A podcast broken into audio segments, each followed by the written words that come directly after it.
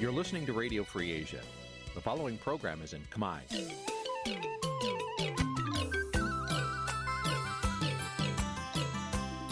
Nǐ chi càm bi tiệp xáy vệt chiu a zì sê ray នេះជាកម្មវិធីផ្សាយរបស់ Vithu Azisari ជាភាសាខ្មែរ វត្តឈូអាស៊ីសេរីសូមស្វាគមន៍លោកអ្នកនាងទាំងអស់ពីរដ្ឋធានី Washington នៃសហរដ្ឋអាមេរិក បាទប្រធានាទីវ៉ាស៊ីនតោនខ្ញុំបាទទីនសាករិយាសូមជម្រាបសួរលោកអ្នកកញ្ញាទាំងអស់ជាទីមេត្រីយើងខ្ញុំសូមជូនកម្មវិធីផ្សាយសម្រាប់ព្រឹកថ្ងៃអង្គារ15កើតខែទុតិយស័កឆ្នាំថោះបញ្ញស័កពុទ្ធសករាជ2567ត្រូវនៅថ្ងៃទី1ខែសីហាគ្រិស្តសករាជ2023បាទជាដំបូងនេះសូមជម្រាបលោកអ្នកកញ្ញាស្ដាប់ព័ត៌មានប្រចាំថ្ងៃដែលមានមេត្តាដូចតទៅ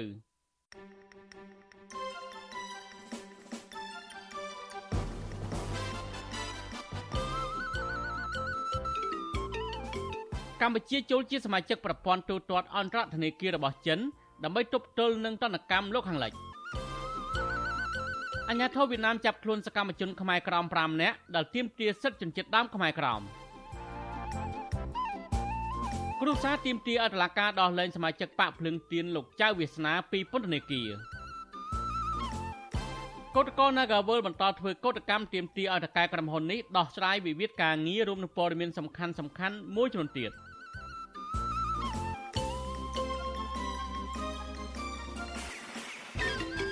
បានលោកនាងទីមេត្រីជាបន្តទៅនេះខ្ញុំបាទធីនសាការីយ៉ាសូមជូនព័ត៌មានពុស្ដានៅវិភាគលើកឡើងថាកម្ពុជាចង់ចូលជាសមាជិកប្រព័ន្ធទូទាត់អន្តរធនាគាររបស់ចិនដើម្បីត្រៀមទប់ទល់នឹងតន្តកម្មរបស់ប្រទេសលោកខាងលិចដែលអាចនឹងកើតមានឡើងក្រោយការបោះឆ្នោតជាតិឆ្នាំ2013ដ៏ចម្រូងចម្រាសការលើកឡើងបែបនេះកើតមានឡើងនៅស្របពេលធនាគារជាតិនៃកម្ពុជាកំពុងពន្លឿនការបំពេញលក្ខខណ្ឌតម្រូវការនានាដើម្បីក្លាយជាសមាជិករបស់ប្រព័ន្ធទូទាត់អន្តរធនាគារ ដែលគ្រប់គ្រងដោយធនាគារកណ្ដាលរបស់ចិនទន្ទឹមនឹងនេះធនាគារជាតិនៃកម្ពុជាក៏ទើបតែបានចុះកិច្ចព្រមព្រៀងជាមួយរដ្ឋាភិបាលចិនអនុញ្ញាតឲ្យភ្ញៀវទេសចរចិនអាចចូលទូទាត់ប្រាក់យ័ន្តរបស់ចិនតាមទូរស័ព្ទដោយពុំចាំបាច់ឆ្លងកាត់ការបដូរប្រាក់នោះឡើយបាទសូមលោកនាងរងចាំស្ដាប់សេចក្តីរាយការណ៍នេះពឹស្ដានាពេលបន្តិចទៀតនេះ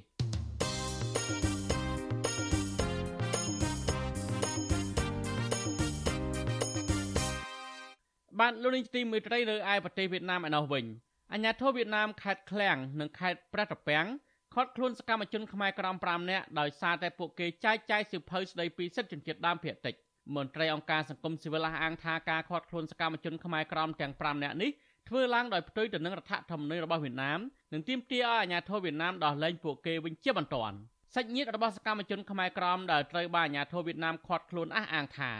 ការចែកចាយសិភៅស្ដីពីសិទ្ធិជនជាតិដើម មិនមែនជាសកម្មភាពខុសច្បាប់របស់ប្រទេសវៀតណាមនោះឡើយបាទសូមលោកនាងស្ដាប់សេចក្តីរាយការណ៍របស់លោកមានរិទ្ធអំពីរឿងនេះដូចតទៅ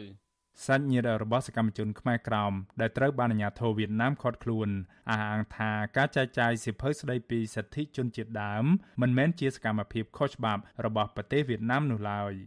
ទំព័រ Facebook សម្លេងកម្ពុជាក្រោមនៅថ្ងៃទី31ខែកក្កដាបានផ្សព្វផ្សាយថា អាញាធរវៀតណាមបានឃាត់ខ្លួនសកម្មជនខ្មែរក្រោមចំនួន5នាក់ដោយសារតែពួកគេបានធ្វើសកម្មភាពតស៊ូមតិទាមទារសិទ្ធិជនជាតិដើមតាមរយៈការពាក់អាវដែលមានរូបសញ្ញាសម្គាល់អត្តសញ្ញាណជនជាតិដើមខ្មែរក្រោមការបង្ហោះព័ត៌មានទាក់ទងទៅនឹងប្រវត្តិសាស្ត្រទឹកដីកម្ពុជាក្រោមនិងការផ្សព្វផ្សាយសិភៅឯកសារស្ដីពីសិទ្ធិជនជាតិដើមរបស់អង្គការសហប្រជាជាតិទៅដល់ពលរដ្ឋខ្មែរក្រោមនិងនៅលើបណ្ដាញសង្គម Facebook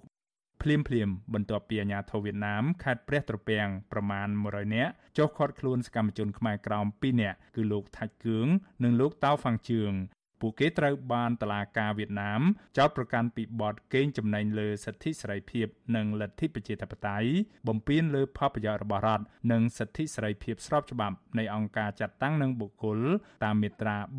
331នៃក្រមព្រហ្មទណ្ឌរបស់ប្រទេសវៀតណាម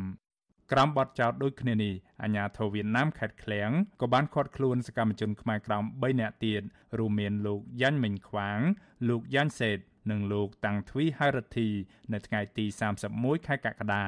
ជាមួយគ្នានេះអាញាធរវៀតណាមខេត្តឃ្លៀងប្រមាណ100នាក់ផ្សេងទៀតក៏បានឡោមព័ទ្ធផ្ទះខ្មែរក្រោម2នាក់ផ្សេងទៀតគឺលោកលឹមវងនិងលោកថាច់មឿន សសកម្មជនសិទ្ធិមនុស្សខ្មែរក្រោមដែលធ្លាប់ត្រូវបានអាជ្ញាធរវៀតណាមឃាត់ខ្លួន3ដងនិងធ្លាប់រងនៅអំពើហិង្សាទៀតផងនោះគឺលោកលឹមវងប្រាវិសុអាស៊ីស្រីនៅថ្ងៃទី31កក្កដាថាអាញាធរវៀតណាមដែលស្លៀកពាក់ខោអាវស៊ីវិលនៅតែបន្តឡោមព័ទ្ធផ្ទះរបស់លោកចំណែកឯលោកថាច់មឿនត្រូវបានអាញាធរវៀតណាមឃាត់ខ្លួនរួចហើយលោកអះអាងថាសកម្មភាពចែកចាយសិភៅស្ដីពីសិទ្ធិជនជាតិដើមមិនមែនជាអំពើខុសច្បាប់នោះឡើយ ហើយសកម្មភាពរបស់លោកក៏មិនបានប្រឆាំងរដ្ឋាភិបាលវៀតណាមនោះដែរព្រោះលោកគ្រាន់តែចង់រក្សាវប្បធម៌ប្រពៃណីនិងបញ្ឈប់ការរំលោភសិទ្ធិប្រជាពលរដ្ឋខ្មែរក្រោមពីសំណាក់អាជ្ញាធរវៀតណាមតែប៉ុណ្ណោះអំពាវនាវឲ្យអង្គការសហប្រជាជាតិកុំឲ្យអាជ្ញាធរវៀតណាមរំលោភសិទ្ធិខ្មែរក្រោមហួសហេតុពេកព្រោះអីខ្ញុំមិនមានធ្វើខុសអីនៅក្នុងប្រទេសវៀតណាមទេខ្ញុំដើរ ចែកសភៅសិទ្ធិមនុស្សតាមច្បាប់អង្គការសហប្រជាជាតិហើយនឹងសិទ្ធិសម្រាប់វាសនាខ្លួនដោយខ្លួនឯងតែប៉ុណ្ណោះខ្ញុំមិនមែនទេមទារឿងដីទឹកមកវិញទេអារឿងហ្នឹងខ្ញុំគ្មានគិតអីរឿងទេមទាផ្ដាច់ខ្លួនពីប្រទេសវៀតណាមអីទាំងអស់គឺខ្ញុំសូមតែឲ្យគោរពច្បាប់អង្គការសហប្រជាជាតិតែប៉ុណ្ណោះជុំវិញរឿងនេះបងថ្លៃរបស់លោកតៅហ្វាំងជឿងគឺលោកចៅអិនតាមប្រាប់វិសុវស៊ីស្រីថានគរបាលវៀតណាមស្លៀកពាក់ស៊ីវិល4នាក់ បានឃាត់ខ្លួនប្អូនថ្លៃរបស់លោកតាំងពីម៉ោង8ព្រឹកនៅថ្ងៃទី31ខែកក្កដាក៏ប៉ុន្តែរហូតមកដល់ពេលនេះគ្រួសាររបស់លោកមិនទាន់ទទួលបានដំណឹងពីលោកតាវហ្វាំងជឿននៅឡើយទេ លោកចៅអិនតាមអះអាងថាការខាត់ខ្លួនប្អូនថ្លៃរបស់លោកនេះគឺជាការគំរាមកំហែងទៅលើសកម្មជនខ្មែរក្រោមដែលតែងតែផ្សព្វផ្សាយអំពីសិទ្ធិជនជាតិដើមភាគតិចជាពិសេសសិទ្ធិរបស់ពលរដ្ឋខ្មែរក្រោមដែលរដ្ឋាភិបាលវៀតណាម បានធ្វើសច្ចាប័នជាមួយអង្គការសហប្រជាជាតិខ្ញុំចង់សូមឲ្យកំបាត់នៅអាការរើសអើងរបៀបហ្នឹងទៅហើយពួកខ្ញុំនេះគាត់ថាចង់បានសិទ្ធិរៀនសូត្រហើយរស់នៅស្របច្បាប់នឹងគេហើយមានប្រពៃ ធម៌របស់ខ្លួនដែលមិនមានការជិះជាន់ពីរដ្ឋាភិបាលវៀតណាមនិងការគោរពប្រពៃណីទំនៀមទម្លាប់សាសនានឹងមិនទទួលបានការបិទបាំងឬរារាំងអីពីសំណាក់រដ្ឋាភិបាលវៀតណាមចឹងឯងជុំវិញរឿងនេះអគ្គលេខាធិការសមាគមខ្មែរកម្ពុជាក្រោមដើម្បីសិទ្ធិមនុស្សនិងអភិវឌ្ឍបណ្ឌិតសឿនជំជួនយល់ឃើញថាការខាត់ខ្លួនសកម្មជនសិទ្ធិមនុស្សខ្មែរក្រោមពីសំណាក់អាជ្ញាធរវៀតណាមទាំងនេះគឺជាការរំលោភសិទ្ធិមនុស្សធ្ងន់ធ្ងរ លោកអះអាងថាសកម្មភាពពាក់អាវដែលមានទង់បញ្ជាអត្តសញ្ញាណខ្មែរកម្ពុជាក្រោមនិងការផ្សព្វផ្សាយសិភៅស្ដីពីសិទ្ធិជនជាតិដើមមិនមែនជាអំពើខុសច្បាប់នោះឡើយអ្វីដែលពួកគាត់ធ្វើនេះគឺជាសកម្មភាពមួយដែលសមស្របទៅតាមគោលការណ៍សិទ្ធិមនុស្សរបស់អង្គការសង្គមជាតិហើយវាសមស្របទៅតាមគោលការណ៍រដ្ឋធម្មនុញ្ញរបស់វៀតណាមផងដែរអញ្ចឹងអ្វីដែលរដ្ឋ ធម្មវៀតណាមជាពិសេសអាជ្ញាធរវៀតណាមដែលបានចាប់កម្មជនមួយចំនួននៅថ្ងៃនេះគឺជាទង្វើមួយដែលវាជួយក្នុងកិច្ចការហើយអញ្ចឹងដូច្នេះខ្ញុំជឿលើទៅដល់អាជ្ញាធរវៀតណាមគួរតែពិនិត្យពិចារណាបានដល់ហើយដល់លែងពីគាត់ស្អីនឹងរីកទៅជាវាមិនឲ្យមានការក៏ចុះជាវាមិនឲ្យមានការដាក់តនកម្មពីខាងអង្គការសហប្រជាជាតិម ន្ត្រីអង្គការសង្គមស៊ីវិលលើកឡើងថាការខាត់ខ្លួនសកម្មជនសិទ្ធិមនុស្សខ្មែរក្រោមទ្រង់ទ្រាយធំបែបនេះគឺជាការគំរាមកំហែងថ្មីមួយទៀតខណៈខ្មែរក្រោមបន្តទាមទារសិទ្ធិស្វ័យសម្រេចជោគវាសនាដោយខ្លួនឯងក្នុងនាមជាជនជាតិដើម នៅលើទឹកដីកំណើតដូនតារបស់ខ្លួន សកម្មជនសិទ្ធិមនុស្សខ្មែរក្រោមលោកលឹមវងអះអាងថាបើទោះបីជាប្រឈមទៅនឹងការគំរាមកំហែងពីសំណាក់អាជ្ញាធរវៀតណាមយ៉ាងនេះក្តីក៏លោកនៅតែបន្តផ្សព្វផ្សាយពីសិទ្ធិជនជាតិដើម ដែលធានាដោយអង្គការសហជីវជាតិដើម្បីរក្សាវប្បធម៌ប្រពៃណីនិងអក្សរសាស្ត្រខ្មែរកម្ពុជាក្រោមឲ្យនៅគង់វង្សខ្ញុំបានមេរិត Visual C ស្រីពីរដ្ឋធានី Washington បាទលោកនាយទីមេត្រីតកតនៅរឿងនយោបាយនៅកម្ពុជាឯនេះវិញតឡាការខេត្តប៉ៃលិនក៏ហៅប្រធានប្រតិបត្តិគណៈបកភ្លើងទៀនម្នាក់នៅស្រុកសាលាក្រៅនៅរសៀលថ្ងៃទី31កក្កដាឲ្យជល់បំភ្លឺជាលើកទី2ក្នុងសំណុំរឿងឆោបោករំលោភលើសេចក្តីទុកចិត្តនិងកាន់កាប់លើអចលនវត្ថុឯកជនមន្ត្រីសង្គមស៊ីវិលយល់ឃើញថាតឡាការគួរតែធ្វើការប្រកបដោយតម្លាភាពនិងស្របទៅតាមនីតិវិធី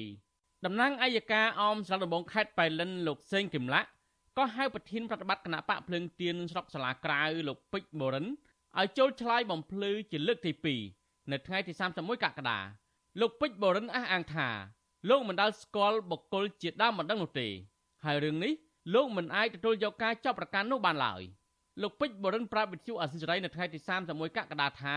លោកសោកស្ដាយដែលតុលាការខេត្តប៉ៃលិននៅតែបន្តកោះហៅលោកមកសាកសួរ ពីព្រោះករណីនេះលោកមិនដាល់ស្គាល់បុគ្គលជាដើមមិនដឹងនោះទេលោកចាត់ទុកការចាប់ប្រកាន់នេះគឺជារឿងនយោបាយនិងជាការធ្វើទុកបុកម្នេញលើមន្ត្រីគណៈបកភ្លើងទៀន។ ខ្ញុំកំពុងតែមានការងឿងឆ្ងល់មិនដឹងថាអ្នកចោតប្រកាន់ខ្ញុំនឹងគេមានខុសតាំងឬក៏មានសំអាងអីតែសម្រាប់ខ្ញុំគឺខ្ញុំអត់បានដឹងរឿងអីទេខ្ញុំមានការព្រួយបារម្ភក្រែងលោថារឿងនេះវាអាចជារឿងនយោបាយតែបើសិនណាជារឿងឯកជនឬបុគ្គលខ្ញុំផ្ទាល់គឺខ្ញុំមិនដែលពាក់ព័ន្ធនឹងអ្នកណាទេលោកពេជ្របរិនជាអតីតមេឃុំស្ទឹងកាច់គណៈបកសង្គ្រោះជាតិ កាលពីឆ្នាំ2017ក្រោយលោកបានជាប់ជាមេឃុំស្ទឹងកាច់រយៈពេលជិត4ខែតឡាការកំពូលដែលស្ថិតនៅក្រោមខ្សែញាក់របស់លោកហ៊ុនសែនបានរំលាយគណៈបកសង្គ្រោះជាតិចោលលោកពេជ្របរិនបញ្ជាក់ថាក្នុងរយៈពេលលោកធ្វើជាមេឃុំស្ទឹងកាច់ស្រុកសាលាក្រៅលោកមិនដាល់ស្គាល់បុគ្គលដែលជាដើមមិនដឹង គឺឈ្មោះឡាវសៀងហេងនិងលោកឈុនឆៃហៀងនោះទេដូច្នេះករណីនេះ លោកចាត់ទុកថាគឺជាការគម្រិតកំហែងបំបាក់ស្មារតីដោយសារលោកមិនព្រមចោះចូលធ្វើនយោបាយជាមួយគណៈបកកណ្ដាលអំណាចកាលពីថ្ងៃទី28មិថុនាចៅក្រមស៊ើបសួរតុលាការខេត្តបៃលិនលោកសេងគឹមឡាក់បានកោះហៅលោកពេជ្របូរិនឲ្យចូលឆ្លើយបំភ្លឺម្ដងរួចមកហើយពាក់ព័ន្ធនឹងករណីឆោបោករំលោភលើទំនុកចិត្តនិងអ្នកកាន់កាប់ថ្មីលើអចលនវត្ថុបុគ្គលឯកជនក៏ប៉ុន្តែលោកបដិសេធមិនចូលបំភ្លឺដោយសារតែតុលាការចេញដីកាកោះហៅយ៉ាងតក់ក្រហល់ ដែលលោកពេជ្របរិនចាត់ទុកករណីនេះគឺជារឿងនយោបាយវិទ្យុអសិរ័យមិនអាចតតងព្រះរាជអាជ្ញារងសាលាដំបងខេត្តបៃលិនលោកជាសានិងអភិបាលខេត្តបៃលិននៅស្រីបានស្រីមុំដើម្បីសំសួរអំពីបញ្ហានេះបានទេនៅថ្ងៃទី31កក្កដាតើទៅនឹងបញ្ហានេះមន្ត្រីសម្រាប់សម្រួលសមាគមការពារសិទ្ធិមនុស្សអាត់ហុកប្រចាំនៅខេត្តបាត់ដំបងនិងខេត្តបៃលិនលោកយិនមេងលីមានប្រសាសន៍ថាការចោទប្រកាន់លោកពេជ្របរិននេះមានភាពមិនប្រក្រតី ដូច្នេះតុលាការគួរតែពិនិត្យឡើងវិញនិងធ្វើការដោយប្រយ័ត្នប្រយែងជៀសវាងមានភាពលំអៀងលោកសង្កេតឃើញថាផ្ទះលោកពេជ្របូរិន នៅភូមិផ្សារព្រំជើងប៉ុន្តែក្នុងដីកាដាក់ថា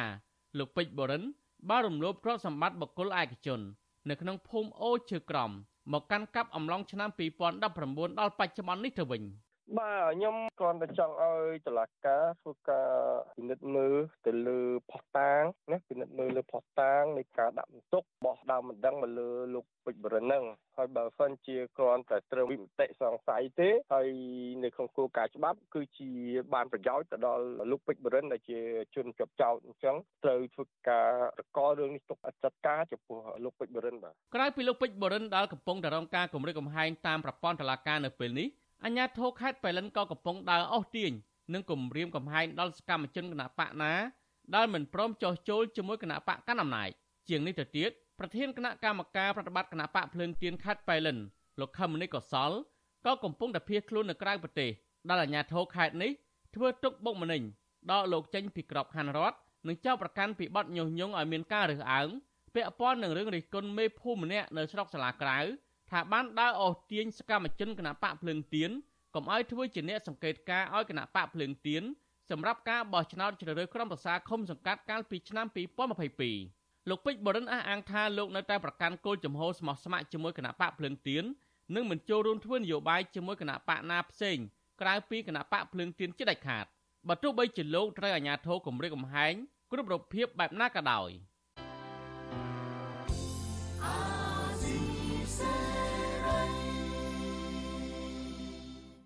បាទលោកទីមេត្រីការធ្វើទុកបុកម្នេញគណៈបកភ្លើងទៀននេះគឺមិនចេះចប់មិនចេះហើយទោះបីជាកោជបមិនអនុញ្ញាតឲ្យគណៈបកនេះចូលរួមការបោះឆ្នោតប្រកួតប្រជែងកាលពីពេលថ្មីថ្មីនេះក៏ដោយតើតើនឹងបញ្ហានេះមន្ត្រីគណៈបកភ្លើងទៀនដែលត្រូវបានសមត្ថកិច្ចចាប់ខ្លួនកាលពីពេលថ្មីថ្មីនេះឥឡូវនេះគ្រូសារបស់គាត់បានស្នើទៅតុលាការខេត្តបន្ទាយមានជ័យឲ្យដោះលែងលោកចៅវាសនាពីពន្ធនាគារ ពួកគាត់ចាត់ទុកចំណាត់ការរបស់សមាជិកកន្លងមកថាជាការធ្វើទុកបុកម្នេញផ្នែកនយោបាយលើសមាជិកគណៈបកប្រឆាំងនៅអំឡុងពេលបោះឆ្នោតរីឯមន្ត្រីសិទ្ធិមនុស្សវិញយល់ឃើញថារដ្ឋាភិបាលថ្មីត្រូវតែស្ដារប្រជាធិបតេយ្យនិងបញ្ឈប់ការធ្វើទុកបុកម្នេញលើសម្លេងប្រឆាំងដើម្បីបន្ធូរបន្ថយសម្ពាធពីសហគមន៍អន្តរជាតិបាទលោកនៅវណ្ណរិនរាយការណ៍ព័ត៌មាននេះក្រមគ្រួសារលើកឡើងថាការចោទប្រកាន់មន្ត្រីគណៈបកភ្លើងទៀន រឿងញុះញង់ឲ្យប្រជាពលរដ្ឋគូសัญลักษณ์ឆ្នោតខ្វែងចោលនៅលើបណ្ដាញសង្គមថ្មីថ្មីនេះគឺជាការធ្វើទុកបុកម្នេញផ្នែកនយោបាយ ពួកគេស្នើដល់តុលាការឲ្យដោះលែងសមាជិកគ្រួសារឲ្យមានសេរីភាពឡើងវិញដោយមិនត្រូវដាក់លក្ខខណ្ឌសុំទោសឬសារភាពកំហុសដែលមិនបានប្រព្រឹត្តនោះទេកូនស្រីរបស់លោកចៅវាសនា គឺអ្នកស្រីចៅរតនៈ ប្រាប់វិទ្យុអាស៊ីសេរីថាអ្នកស្រីខកចិត្តចំពោះអាញាធរដែលខាត់ខ្លួនឪពុករបស់នាងហើយបញ្ជូនទៅឃុំខ្លួនបណ្ដោះអាសន្ននៅពន្ធនាគារខេត្តបន្ទាយមានជ័យទាំងអយុធធរដោយសារតែឪពុករបស់អ្នកស្រី នៅតែរក្សាចំហស្មារតីរឹងមាំមិនទទួលកំហុសចេញសារវីដេអូតាមការណែនាំរបស់សមត្ថកិច្ចនោះទេលោកស្រីព្រួយបារម្ភអំពីសុខភាពរបស់ឪពុកជាខ្លាំងពីព្រោះមកដល់ពេលនេះគ្រួសារមិនទាន់ទទួលបានដំណឹងអំពីសុខទុក្ខរបស់ឪពុកនៅក្នុងពន្ធនាគារនៅឡើយ។ លោកស្រីចៅរតនាអះអាងថាឪពុករបស់អ្នកស្រី គឺលោកចៅវាសនាមិនបានបង្ហោះសារជាសាធារណៈញុះញង់ឲ្យប្រជាពលរដ្ឋគូសសញ្ញកឆ្នោតខ្វែងចោលដោយការចោទនោះទេផ្ទុយទៅវិញអ្នកស្រីមើលឃើញថាសមាជិកគណៈបកកណ្ដាលអំណាចដែលបង្ហោះរឿងគូសនៅលើសញ្ញកឆ្នោតជាសាធារណៈនៅតាមបណ្ដាញសង្គមសមត្ថកិច្ចបែរជាបណ្ដោយឲ្យនៅមានសេរីភាពនៅក្រៅឃុំទៅវិញ។ យល់ថានីតិវិធីបែបនេះដូចជាមិនស័ក្តិសមនឹងការគាត់ខ្លួនឬឪពុកខ្ញុំទេទាំងឪពុកខ្ញុំមិនបានញុះញង់ពលរដ្ឋពីវីដេអូឬបុគ្គលជាសាធារណៈអញ្ចឹងមិនគួរ ខាត់ខ្លួនឪពុកខ្ញុំភ្លាមភ្លាមទាំងគ្មានដេកាចាប់ខ្លួនបាត់អីពីរឿងអីពីរបៀបនេះគឺសូម្បីតែគ្រូសាស្ត្រដឹងផងឲ្យខាត់ខ្លួនយកហ្មងតែគាត់ជាខ្លួនឯងខ្លួនគាត់គាត់មិនដឹងថាខ្លួនគាត់មានរឿងអីផងអញ្ចឹងអ្វីដែលខ្ញុំទៀមទាគឺខ្ញុំសុំឲ្យគាត់នេះដោះលែងឲ្យដល់មានលក្ខខណ្ឌទាំងអស់គ្រូប៉ាខ្ញុំក៏គាត់ចង់បានប៉ុណ្្នឹងដែរគាត់ចង់បានដោយលក្ខណៈខាងឲ្យគាត់សុំទោសឬមួយឲ្យគាត់ចោះចូលឬមួយរបៀបមិនក៏ដើម្បីឲ្យគាត់ចាក់ចេញពីពន្ធនាគារគឺគាត់ចង់បានដូចគ្នា អញ្ញាធរខេត្តបន្ទាយមានជ័យបានចាប់ឃុំខ្លួនប្រធានគណៈបកភ្លើងទៀនក្រុងប៉ោយប៉ែតលោកចៅវាសនា ជាលើកទី2តាក់ទងនឹងបទញុះញង់ឲ្យប្រជាពលរដ្ឋគូសញ្ញលឹកឆ្នោតចោលកាលពីថ្ងៃទី23ខែកក្កដាដែលជាថ្ងៃរដ្ឋាភិបាលលោកហ៊ុនសែនរៀបចំការបោះឆ្នោតជ្រើសតាំងតំណាងរាស្ត្រដោយគ្មានគូប្រជែងតុលាការខេត្តនេះក៏បានបង្គាប់ឲ្យឃុំខ្លួនមន្ត្រីគណៈបកភ្លើងទៀនរូបនេះបណ្ដោះអាសន្ននៅក្នុងពន្ធនាគារខេត្តកាលពីថ្ងៃទី25ខែកក្កដា នៅមុនការចាប់ខ្លួនមួយខែលោកចៅវាសនាត្រូវបានមន្ត្រីរដ្ឋាភិបាលម្នាក់គម្រាមចាត់ការដែលអាចមានគ្រោះថ្នាក់ដល់អាយុជីវិតប្រសិនបើលោកមិនព្រមចុះចូលជាមួយគណៈបកកាន់អំណាចដើម្បីបដូរយកសវត្ថភាពនិងទួនាទីក្នុងជួររដ្ឋាភិបាលនោះទេលោកចៅវាសនាមានដើមកំណើតខ្មែរក្រោមនិងជាអតីតចៅសង្កាត់ប៉ោយប៉ែតជាប់ឆ្នោតរបស់គណៈបកសង្គ្រោះជាតិកាលពីឆ្នាំ2017 លោកត្រូវបានតុលាការដោះលែងឲ្យមានសេរីភាពកាលពីខែកុម្ភៈឆ្នាំ2022ក្រោយពេលតុលាការបានផ្តន្ទាទោសឲ្យជាប់ពន្ធនាគាររយៈពេល5ឆ្នាំពីបទញុះញង់ឲ្យប្រើអំពើហិង្សាមានស្ថានទម្ងន់ទោសដោយអយុត្តិធម៌ពាក់ព័ន្ធនឹងការចោះឃ្លាំមើលកម្មករអូរ៉ូតេសតវ៉ានៅក្រុងប៉ោយប៉ែតកាលពីដើមឆ្នាំ2017 ក្រោយពីចេញពីពន្ធនាគារវិញលោកនៅតែមិនព្រមចុះញោមដោយរក្សាជំហររឹងមាំដដែលដើម្បីតស៊ូជាមួយគណៈបកភ្លើងទៀនក្នុងការជំរុញឲ្យមានដំណើរការប្រជាធិបតេយ្យនិងការគោរពសិទ្ធិមនុស្សនៅកម្ពុជាឡើងវិញវិទ្យុអាស៊ីសេរីមិនអាចតាក់ទងแนะនាំពាក្យសាលាដំបងខេត្តបន្ទាយមានជ័យលោកសំរិទ្ធសុខុនដើម្បីសាកសួរជុំវិញរឿងនេះបាននៅឡើយទេនៅថ្ងៃទី31ខែកក្កដា តកតិននឹងរឿងនេះដែរអ្នកនាំពាក្យសមាគមការពារសិទ្ធិមនុស្សអាត6លោកសឹងសែនករណាមានប្រសាសន៍ថាប្រទេសដែលកាន់ប្រជាធិបតេយ្យពិតប្រាកដនោះចាត់ទុកការប្រើប្រាស់សិទ្ធិនយោបាយសិទ្ធិបញ្ចេញមតិឬទស្សនៈដោយសន្តិវិធីជំវិញការបោះឆ្នោតមិនមែនជាអំពើបដល្មើសរហូតទទួលការចាប់ចងដាក់ពន្ធនាគារនោះទេលោកមើលឃើញថាអាញាធរអនុវត្តច្បាប់មិនស្មើភាពនិងគ្មានដំណាភាពរវាងសមាជិកគណៈបកប្រឆាំងនិងគណៈបកកាន់អំណាច ដែលបញ្ហានេះនាំឲ្យមតិមហាជនរិះគន់ចំពោះចំណាត់ការរបស់សមត្ថកិច្ច គោលការណ៍នៃការអនុវត្តច្បាប់គឺមិនត្រូវឲ្យជនណាម្នាក់នៅពីលើច្បាប់ទេតែដោយឡែកគឺសមត្ថកិច្ចពាក់ព័ន្ធដែលអនុវត្តច្បាប់នឹងហាក់ផ្ដោតទៅលើតែក្រមគណៈបកជំទាស់ដែលធ្វើទុកបុកម្នេញទៅលើតែក្រមគណៈបកជំទាស់ចំណុចទាំងអស់នេះវាជារឿងមួយដែលធ្វើឲ្យសាធារណជនក៏ដូចជាមតិជាតិអន្តរជាតិនឹងគឺគេរិះគន់អំពីការអនុវត្តច្បាប់ការប្រតិបត្តិច្បាប់របស់ប្រទេសកម្ពុជាយើងនឹងឯង មន្ត្រីសង្គមស៊ីវិលចង់ឃើញរដ្ឋាភិបាលថ្មីយកចិត្តទុកដាក់ស្ដារប្រជាធិបតេយ្យការគោរពសិទ្ធិមនុស្សបញ្ឈប់ការធ្វើទុកបុកម្នេញមកលើអ្នកដែលមាននិន្នាការនយោបាយមិនស្របហើយដោះលែងអ្នកទោសមនសិការទាំងនោះឲ្យមានសេរីភាពឡើងវិញដើម្បីបន្ធូរបន្ថយបរិយាកាសនយោបាយឲ្យប្រសើរនិងបញ្ជៀសនៅសម្ពាធនានាពីសហគមន៍អន្តរជាតិក្រោយពីការបោះឆ្នោតคล้ายៗកាលពីថ្ងៃទី23ខែកក្កដា ខ្ញុំបាទនៅវណ្ណរិន Vithu Azisari ពីរដ្ឋធានី Washington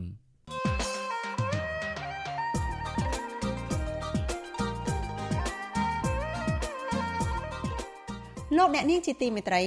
ការបន្តអំណាចពីឪពុកតកូននិងសាច់ញាតិ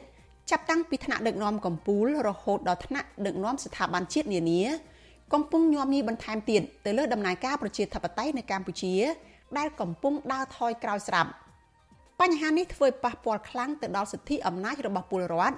ដែលរដ្ឋធម្មនុញ្ញចែងការពារថា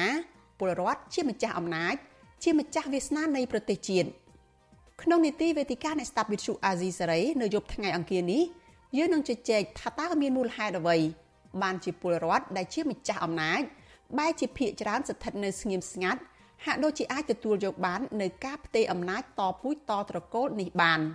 តើពលរដ្ឋនៅមានជំងឺបាក់ស្បាតភ័យខ្លាចពីការគំរាមពីសង្គ្រាមឬពលរដ្ឋនៅមានសង្ឃឹមថាការដឹកនាំរបស់នាយរដ្ឋមន្ត្រីតពីឪពុកលោកហ៊ុនម៉ាណែតអាចនឹងមានផ្លូវផ្លាស់ប្ដូរទៅរកប្រជាធិបតេយ្យ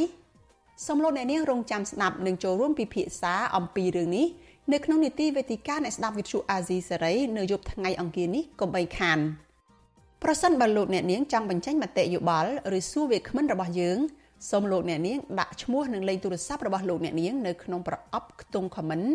នៃការផ្សាយរបស់ Vithu Azizi សេរីនៅលើបណ្ដាញសង្គម Facebook និង YouTube ជាក្រុមការងាររបស់យើងនឹងតាក់ទងទៅលោកអ្នកនាងវិញចាសសូមអរគុណ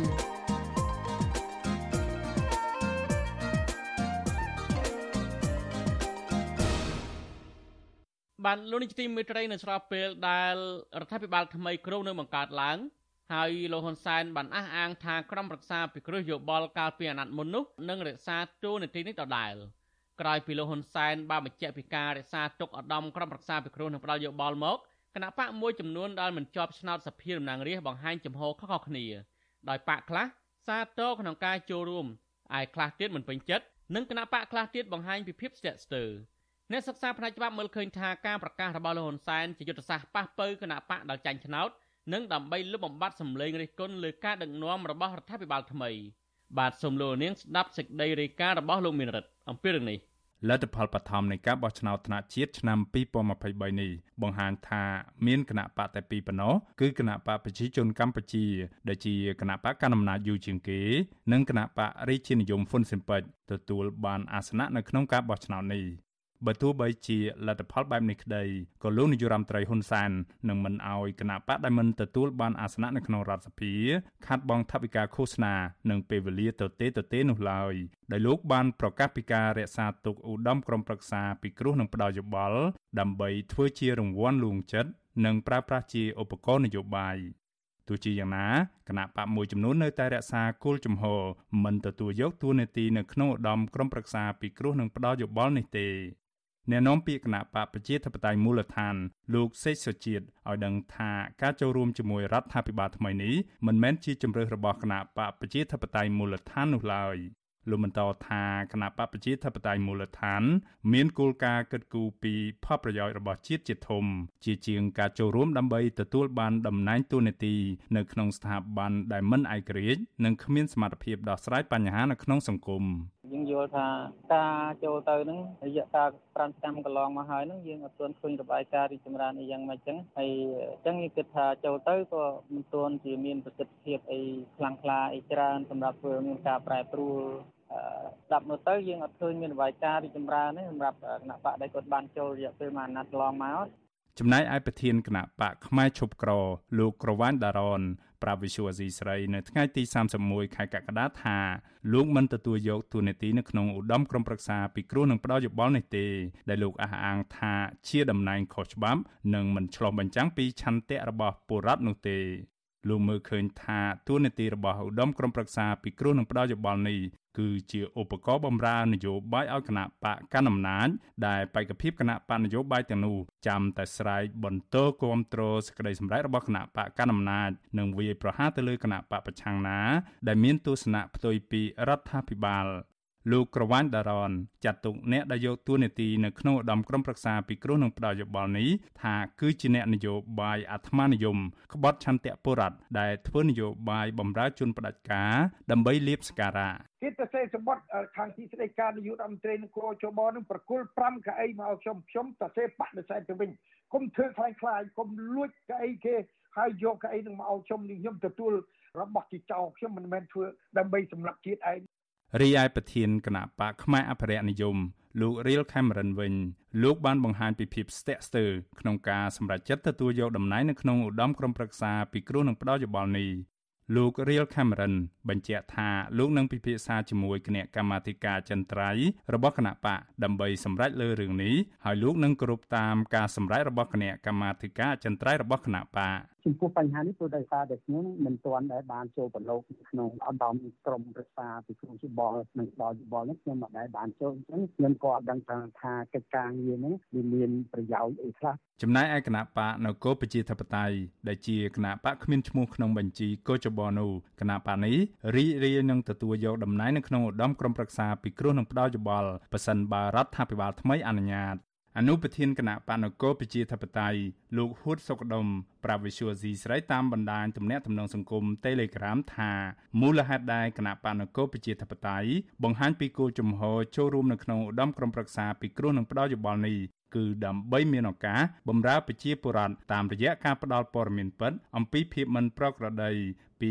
ភាពអសកម្មនិងអំពើពុករលួយ របស់មន្ត្រីថ្នាក់ក្រោមជាតិមួយចំនួន ដែលបានខុបខិតគ្នា ធ្វើឲ្យខូចខាតដល់ផលប្រយោជន៍ជាតិផលប្រយោជន៍ប្រជាពលរដ្ឋនិងការចូលរួមថែរក្សាការពារសន្តិភាព ទោះជាបែបនេះក្តីអតីតប្រធានគណៈបណ្ឌនគរប្រជាធិបតេយ្យអ្នកស្រីសុករតសវណ្ណបញ្ចសិលាដែលទទួលបានតួនាទីជាសមាជិកនៃឧត្តមក្រុមប្រឹក្សាពិគ្រោះនឹងផ្ដល់យោបល់កាលពីឆ្នាំ2018នោះអ្នកស្រីត្រូវបានរដ្ឋាភិបាលបញ្ចប់តួនាទីនៅក្នុងឧត្តមក្រុមប្រឹក្សានេះក្រោយពីអ្នកស្រីពាក់ព័ន្ធនឹងទំនាស់ដីធ្លីនៅឯខេត្តព្រះវិហារកាលពីឆ្នាំ2019 វិសុវស៊ីស្រីមិនអាចតាក់ទងប្រធានអង្គភិបអ្នកណែនាំពាក្យរដ្ឋាភិបាល លោកផៃសិផាននិងអ្នកណែនាំពាក្យគណៈបកប្រជាជនកម្ពុជា លោកសុកអេសានដើម្បីសុំការបកស្រាយបន្ថែមបានទេ នៅថ្ងៃទី31ខែកក្កដាឧត្តមក្រុមប្រឹក្សាពិគ្រោះនឹងផ្ដល់យោបល់ត្រូវបានបង្កើតឡើងដោយលោកហ៊ុនសែនកាលពីឆ្នាំ2018ក្រោយព្រឹត្តិការណ៍បោះឆ្នោតជ្រើសតាំងតំណាងរាស្ត្រនីតិកាលទី6ដ៏ចម្រូងចម្រា កាលនោះប្រធានអនុប្រធាននិងតំណាងផ្សេងទៀតនៃគណៈបកចំនួន14ដែលមិនបានកៅអីនៅក្នុងរដ្ឋសភា បានស្ម័គ្រចិត្តចូលជាសមាជិកនៃឧត្តមក្រុមប្រឹក្សានេះនឹងក្លាយជាឯកឧត្តមលោកជំទាវតាមការតែងតាំងដោយអនុក្រឹត្យមានឋានៈស្មើទេសរដ្ឋមន្ត្រីនិងរដ្ឋមន្ត្រី តើតើនៅរឿងនេះអ្នកសិក្សាផ្នែកច្បាប់លោកវ៉ុនចាន់ឡូតលើកឡើងថាសមិទ្ធផលដែលឧត្តមក្រុមប្រឹក្សាពិគ្រោះនឹងផ្ដល់យោបល់សម្រាប់បាននារយៈពេលកន្លងមកនេះគឺមិនសមមាត្រទៅនឹងតម្រូវការរបស់ប្រជាពលរដ្ឋនិងការចំណាយរបស់រដ្ឋាភិបាលឡើយលោកយល់ឃើញថាលោកហ៊ុនសាននៅតែបន្តរក្សាឧត្តមក្រុមប្រឹក្សានេះក្រោមហេតុផលចំនួន3គឺទី1ដើម្បីផលប្រយោជន៍នយោបាយជាជាងផលប្រយោជន៍សាធារណៈ ទី2គឺដើម្បីស្អំចិត្តគណៈបកដែលមិនទទួលបានអាសនៈនៅក្នុងរដ្ឋសភា ដើម្បីឲ្យពួកគេចោះញោមជាមួយគណៈបកប្រជាជនកម្ពុជានិងហេតុផលទី3គឺដើម្បីកាត់បន្ថយសម្លេងរិះគន់លើរដ្ឋាភិបាលថ្មី ដែលនឹងដឹកនាំដោយកូនប្រុសច្បងរបស់លោកគឺលោកហ៊ុនម៉ាណែតខ្ញុំគិតថាបើរដ្ឋាភិបាលពិតជាចង់ ទាញយកនឹងការគ្រប់គ្រងពិតប្រាកដមែនទី1ការចំណាយណាដែលឥតប្រយោជន៍វាជាការចំណាយខ្ជិះខ្ជាយគួរតែលុបបំបាត់ចោលมันគួរចំណាយទេទី2ការចំណាយទាំងនោះបើអាចគួរតែយកមកប៉ះបើបន្ថែមបន្ថយទៅនឹងអ្នកដែលគាត់មានសមត្ថកិច្ចមានទូនាទីពិតប្រាកដនៅក្នុងការបម្រើរាជ ក្នុងចំណោមគណៈបណ្ឌនយោបាយចំនួន19ដែលបានចូលរួមការបោះឆ្នោតជាតិកាលពីឆ្នាំ2018មានគណៈបកចំនួន3ដែលមិនចូលរួមនៅក្នុងឧត្តមក្រុមប្រឹក្សាពិគ្រោះនឹងផ្ដោតយោបល់របស់លោកហ៊ុនសានីគណៈបកទាំងនោះរួមមានគណៈបកសម្ព័ន្ធដើម្បីប្រជាធិបតេយ្យគណៈបកផ្នែកឈប់ក្រ និងគណៈបកប្រជាធិបតេយ្យមូលដ្ឋាន មន្ត្រីគណៈបកប្រឆាំងដែលមិនស្ថិតក្រោមអធិបតេយ្យរបស់គណៈបកកណ្ដាលអំណាចរិះគន់ថាក្រុមគណៈបកនយោបាយណាដែលចូលរួមជាសមាជិកឧត្តមក្រុមប្រឹក្សាពិគ្រោះនឹងផ្ដោតយោបល់នេះគឺជាក្រុមលមូបអំណាចខណៈរដ្ឋាភិបាលលោកហ៊ុនសែនកំពុងខ្ជះខ្ជាយថវិកាជាតិដើម្បីបង្កើតឆាកល្ខោនឲ្យល្អមើលតែប៉ុណ្ណោះខ្ញុំបានមេរិត Visual C ស្រី ពីរដ្ឋធានី Washington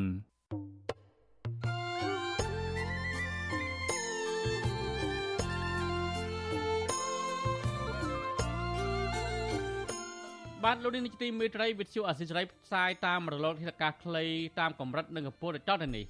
ពេលព្រឹកចាប់ពីម៉ោង5កន្លះដល់ម៉ោង6កន្លះតាមរយៈប៉ុស SW 12.14 MHz ស្មើនឹងកម្ពស់ 25m និងប៉ុស SW 13.71 MHz ស្មើនឹងកម្ពស់ 22m ពេលយប់ចាប់ពីម៉ោង7កន្លះដល់ម៉ោង8កន្លះតាមរយៈប៉ុស SW 9.33 MHz ស្មើនឹងកម្ពស់ 32m ប៉ុស SW 11.88 MHz ស្មើនឹងកម្ពស់ 25m និងប៉ុស SW 12.15 MHz ស្មើនឹងកម្ពស់ 25m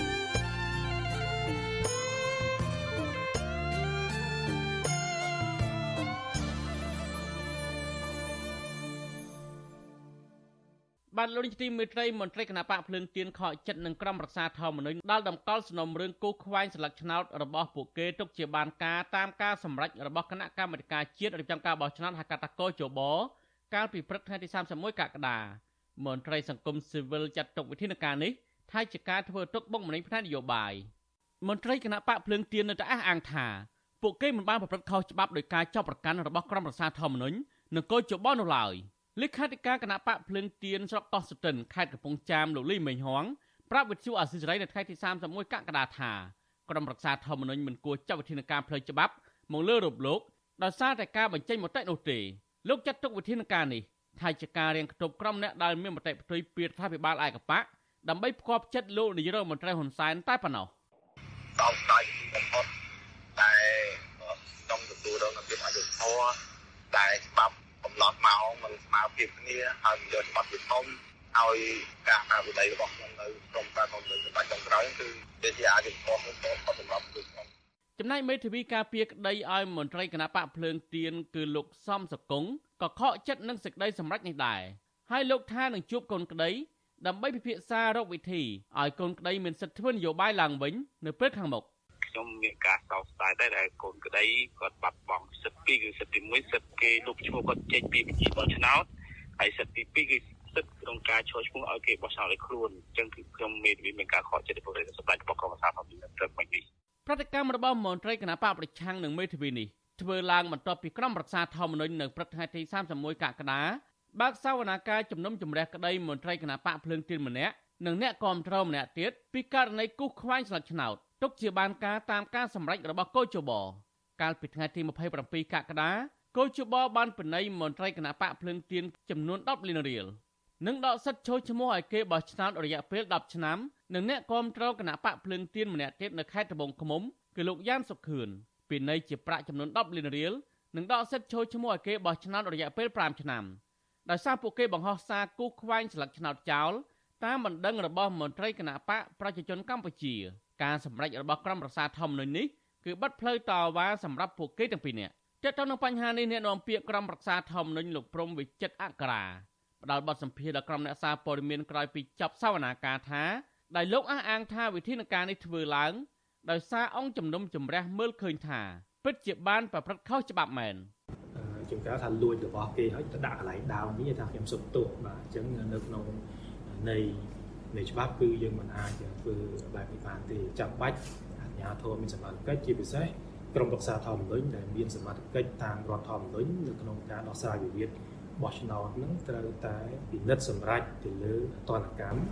ទោះជាយ៉ាងណាអ្នកនាំពាក្យសមាគមការពារសិទ្ធិមនុស្សអាត់ហុកលោកសឹងសែនករណាលើកឡើងថាសំណុំរឿងរបស់មន្ត្រីគណៈបកប្រឆាំងដែលរងការប្តឹងផ្តល់នៅស្ថាប័នកម្ពុជាមួយនេះតែងតែចាញ់ក្តីគណៈបកកណ្ដាលអំណាច លោកចាត់ទុកវិធានការនេះថាជាការធ្វើទុកបុកម្នេញផ្នែកនយោបាយច្រើនជាងការអនុវត្តច្បាប់ក្នុងនាមសង្គមស៊ីវិលគឺ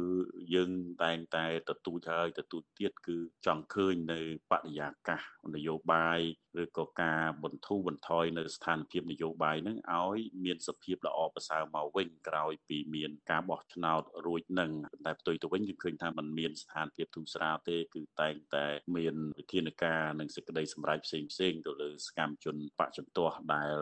ធ្វើការរិះគន់ឬក៏បានលើកឡើងនៅអ្វីដែលខ្លួនមិនពេញចិត្តចំពោះដំណើរការនៃការបោះឆ្នោតជាដើមថ្មីថ្មីនេះគណៈកម្មការរៀបចំការបោះឆ្នោតខេត្តបៃលិនត្បូងឃ្មុំនិងខេត្តកំពង់ចាម បានពិន័យមន្ត្រីគណៈបកភ្លើងទីនិងអ្នកគាំទ្រចំនួន5នាក់ក្នុងម្នាក់ម្នាក់ទឹកប្រាក់ចំនួនពី5លានទៅ10លានរៀលនិងដកសិទ្ធិចូលឈ្មោះឲ្យគេបោះឆ្នោតរយៈពេលពី5ឆ្នាំដល់10ឆ្នាំដោយសារពួកគេបង្ហោះស្លឹកឆ្នោតគូសខ្វែងនៅលើបណ្ដាញសង្គមការគូសខ្វែងស្លឹកឆ្នោតនេះដោយសារក្រុមគណៈបកប្រឆាំងទាំងនោះមិនពេញចិត្តនឹងការបោះឆ្នោតជាតិកាលពីថ្ងៃទី23កក្កដាដែលកោជបមិនអោយគណៈបកភ្លឹងទៀនចូលរួមការប្រកួតប្រជែង ហើយដល់គេមើលឃើញថាការបោះឆ្នោតនេះជាការរៀបចំបោះឆ្នោតคล้ายៗតែទៅនឹងបញ្ហានេះអ្នកនាំពាក្យគណៈកម្មាធិការជាតិរៀបចំការបោះឆ្នោតកោជបលហុងពុទ្ធាធ្លាប់អះអាងថាក្រៅពីសំណុំរឿងនេះនៅមានបណ្ដឹងជិត20ទៀតដែលគណៈកម្មការរៀបចំការបោះឆ្នោតខេត្តរាជធានីបានប្តឹងមន្ត្រីបកប្រឆាំងនិងអ្នកគាំទ្រប៉ុន្តែបណ្ដឹងទាំងនោះមិនទាន់បញ្ជូនមកដល់គោលជបនៅឡើយទោះបីជាបែបណាក៏ដោយមន្ត្រីសង្គមស៊ីវិលចាត់ទុកវិធានការទាំងនេះ ថាជាការអនុវត្តច្បាប់ស្តង់ដារ2ដោយអាជ្ញាធរផ្តន្ទាទោសតែមន្ត្រីគណៈបកប្រឆាំងចំណែកឯមន្ត្រីគណៈបកកណ្ដាលអំណាចធ្វើសកម្មភាពស្រដៀងគ្នានេះដែរប៉ុន្តែអាជ្ញាធរមិនចាត់វិធានការនោះឡើយ។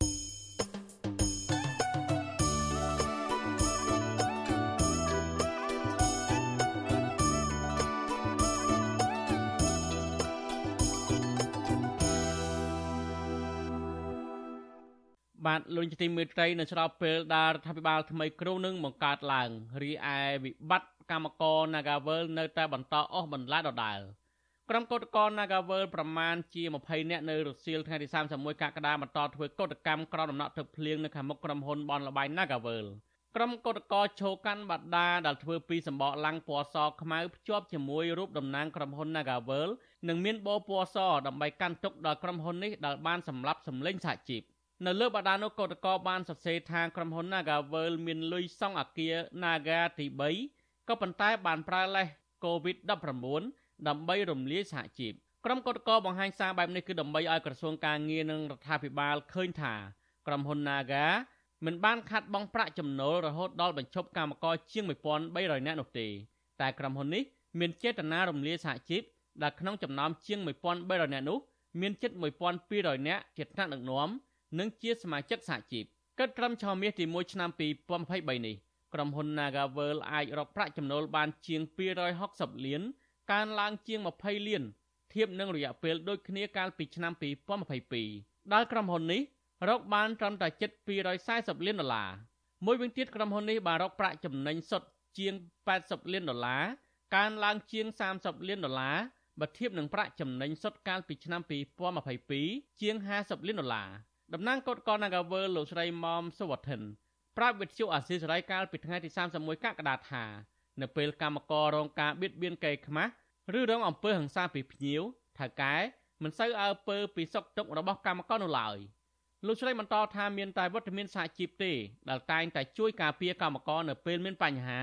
និងការពារកុំឲ្យថៅកែកេងប្របាញ់កម្លាំងពលកម្មជាដើមលោកស្រីបន្ថែមថាទាំងនេះហើយ គឺជាមូលហេតុដែលក្រុមកតកនៅតែទាមទារឲ្យតកែដោះស្រាយវិវាទការងារក៏ដូចជាចង់ឲ្យមានវត្តមានសហជីពត្រូវត្រង់សិទ្ធិកម្មករនៅក្រុមហ៊ុន Nagavel បើសិនជាគាត់ចង់ឲ្យអ្វីផ្លាស់ប្ដូរមានអ្វីថាថាថ្មីឲ្យប្លែកគឺគាត់ត្រូវធ្វើឲ្យខុសពីអ្នកមុនមានន័យថាកន្លងដែលដឹកនាំពីមុនមកជារាជឬកម្មកម្មករហ្នឹង មានសន្តិភាពនៅ មានក្តីសុខនៅ មានអ្វីដែលគ្រប់គ្រាន់នៅពាក្យថាគ្រប់គ្រាន់ឬក៏សមរម្យនៅអញ្ចឹងបើសិនជានៅទេគាត់អាចនឹងបញ្ចេញសមត្ថភាពខ្លួនឯងធ្វើឲ្យលើសដូចថាពីមុនគេធ្វើមួយគាត់អាចធ្វើ2ឬ3ឬ5អីទៅអាហ្នឹងលេចធ្លោហើយជាឱកាសរបស់គាត់ហ្មងជាឱកាសឲ្យគេគេឃើញថាគាត់ពិតជាមានសមត្ថភាពមែនអញ្ចឹងតែបើសិនជាដើរតាមកន្លងចាស់ទេវាអត់អត់ទេអត់វាអត់ន័យ វិទ្យុអសិរ័យមិនអាចតតងអ្នកនាំពាក្យក្រសួងការងារលោហិញសួរដើម្បីសំសួរអំពីបញ្ហានេះបាននៅឡើយទេកាលពីថ្ងៃទី31កក្កដាក្រុមកោតក្រនៃក្រុមហ៊ុន Nagavel បានធ្វើកោតកម្មទាមទារទៅកែក្រុមហ៊ុននិងរដ្ឋាភិបាលដោះស្រាយវិវាទការងារអស់រយៈពេលជិត2ឆ្នាំមកហើយប៉ុន្តែមិនទាន់មានដំណោះស្រាយនៅឡើយទេមកទល់ពេលនេះផ្ទុយទៅវិញអាជ្ញាធរបានចាប់ប្រកាន់លើតំណាងកោតក្រនិងផ្ដន្ទាទោសពួកគេចន្លោះពី1ឆ្នាំទៅ2ឆ្នាំក្រោមបទចោទញុះញង់បង្កឲ្យមានភាពវឹកវរធ្ងន់ធ្ងរដល់សន្តិសុខសង្គម។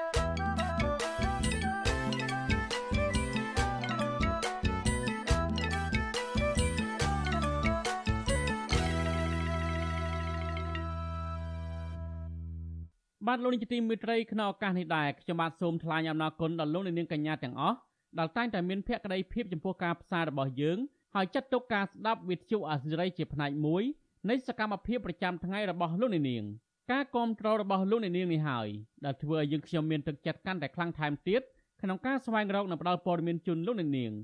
មានអ្នកស្ដាប់មានអ្នកទស្សនាកាន់តែច្រើនកាន់តែធ្វើឲ្យយើងខ្ញុំមានភាពស្វាហាប់មោះមុតជាបន្តទៅទៀតយើងខ្ញុំសូមអរគុណទុកជាមុន ហើយសូមអញ្ជើញលោកនាងកញ្ញាចូលរួមជំរុញឲ្យសកម្មភាពផ្តល់ព័ត៌មានរបស់យើងនេះកាន់តែជោគជ័យបន្ថែមទៀតលោកអ្នកនាងអាចជួយយើងខ្ញុំបានដោយគ្រាន់តែចុចចែករំលែកឬ share ការផ្សាយរបស់យើងនៅលើបណ្ដាញសង្គម Facebook និង YouTube ទៅកាន់មិត្តភ័ក្តិដើម្បីឲ្យការផ្សាយរបស់យើងបានទៅដល់មនុស្សកាន់តែច្រើន សូមអរគុណ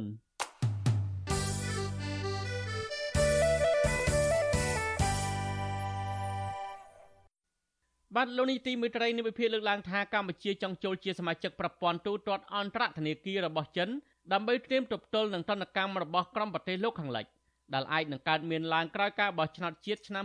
2023ដោយចម្រូងចម្រាសការលើកឡើងនេះកើតមានឡើងនៅស្របពេលដែលធនាគារជាតិនៃកម្ពុជាកំពុងតែពន្លឿនការបំពេញលក្ខខណ្ឌតម្រូវនានាដើម្បីក្លាយជាសមាជិករបស់ប្រព័ន្ធទូទាត់អន្តរធនាគារដែលគ្រប់គ្រងដោយធនាគារកណ្ដាលរបស់ចិន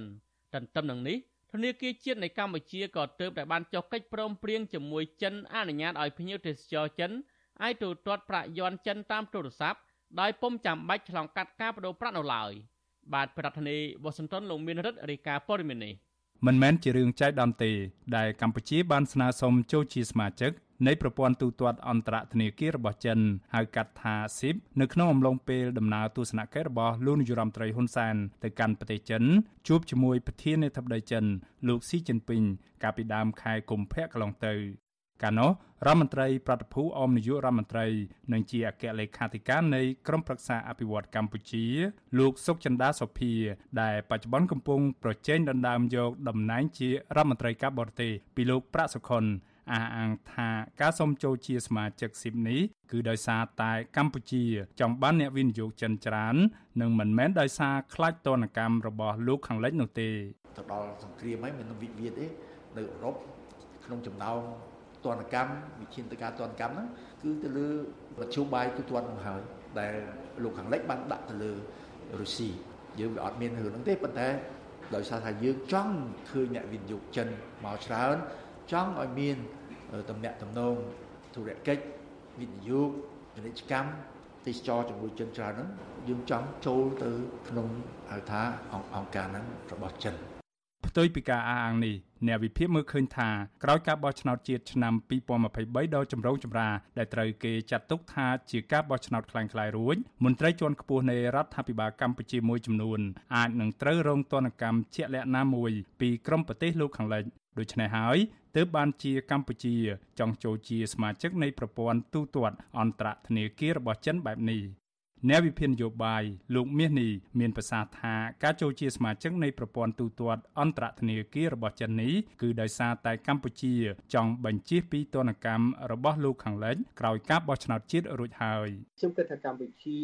ក៏អាចនឹងរៀនសូត្រពីបទពិសោធន៍នៅរុស្ស៊ីសង្គ្រាមរុស្ស៊ីថ្មីថ្មីដែរប្រសិនបើកម្ពុជានឹងត្រូវទទួលរងនៅទណ្ឌកម្មថែមទៀតពីប្រចាំប្រទេស គឺច្រកមួយដែលអាចធ្វើឲ្យកម្ពុជានៅបន្តធ្វើពាណិជ្ជកម្មបានជាមួយនឹងចិត្តហ្នឹងគឺការប្រើលុយយន់ឬក៏លុយរៀលទាំងអស់គ្នាទៅវិញទៅមកវាជាផ្នែកមួយនៃការបើកផ្លូវឲ្យឬក៏យកចេញនៅឧបសគ្គទាំងឡាយណាដែលអាចនឹងបញ្ជៀសបាននៅពេលដែលមានទណ្ឌកម្មពីប្រចាំប្រទេសណាមួយនោះកើតឡើងនៅក្រោយបោះឆ្នោតឆ្នាំ2023ហើយដូចខ្ញុំបានលើកឡើងថារដ្ឋាភិបាលកម្ពុជាក៏ដឹងច្បាស់ណាស់ហើយថាចាប់នៅក្នុងឆ្នាំក្រោយឆ្នាំ2023នេះទំនាក់ទំនងរវាងកម្ពុជានិងប្រចាំប្រទេសហាក់ដូចជាមិនសូវនឹងមានភាពរលូនដូចធម្មតាទេបាទវិសុវអាស៊ីស្រីមិនទាន់អាចតតងសុំការអធិប្បាយជុំវិញការលើកឡើងនេះពីអគ្គទេសាភិបាលធនាគារជាតិនៃកម្ពុជា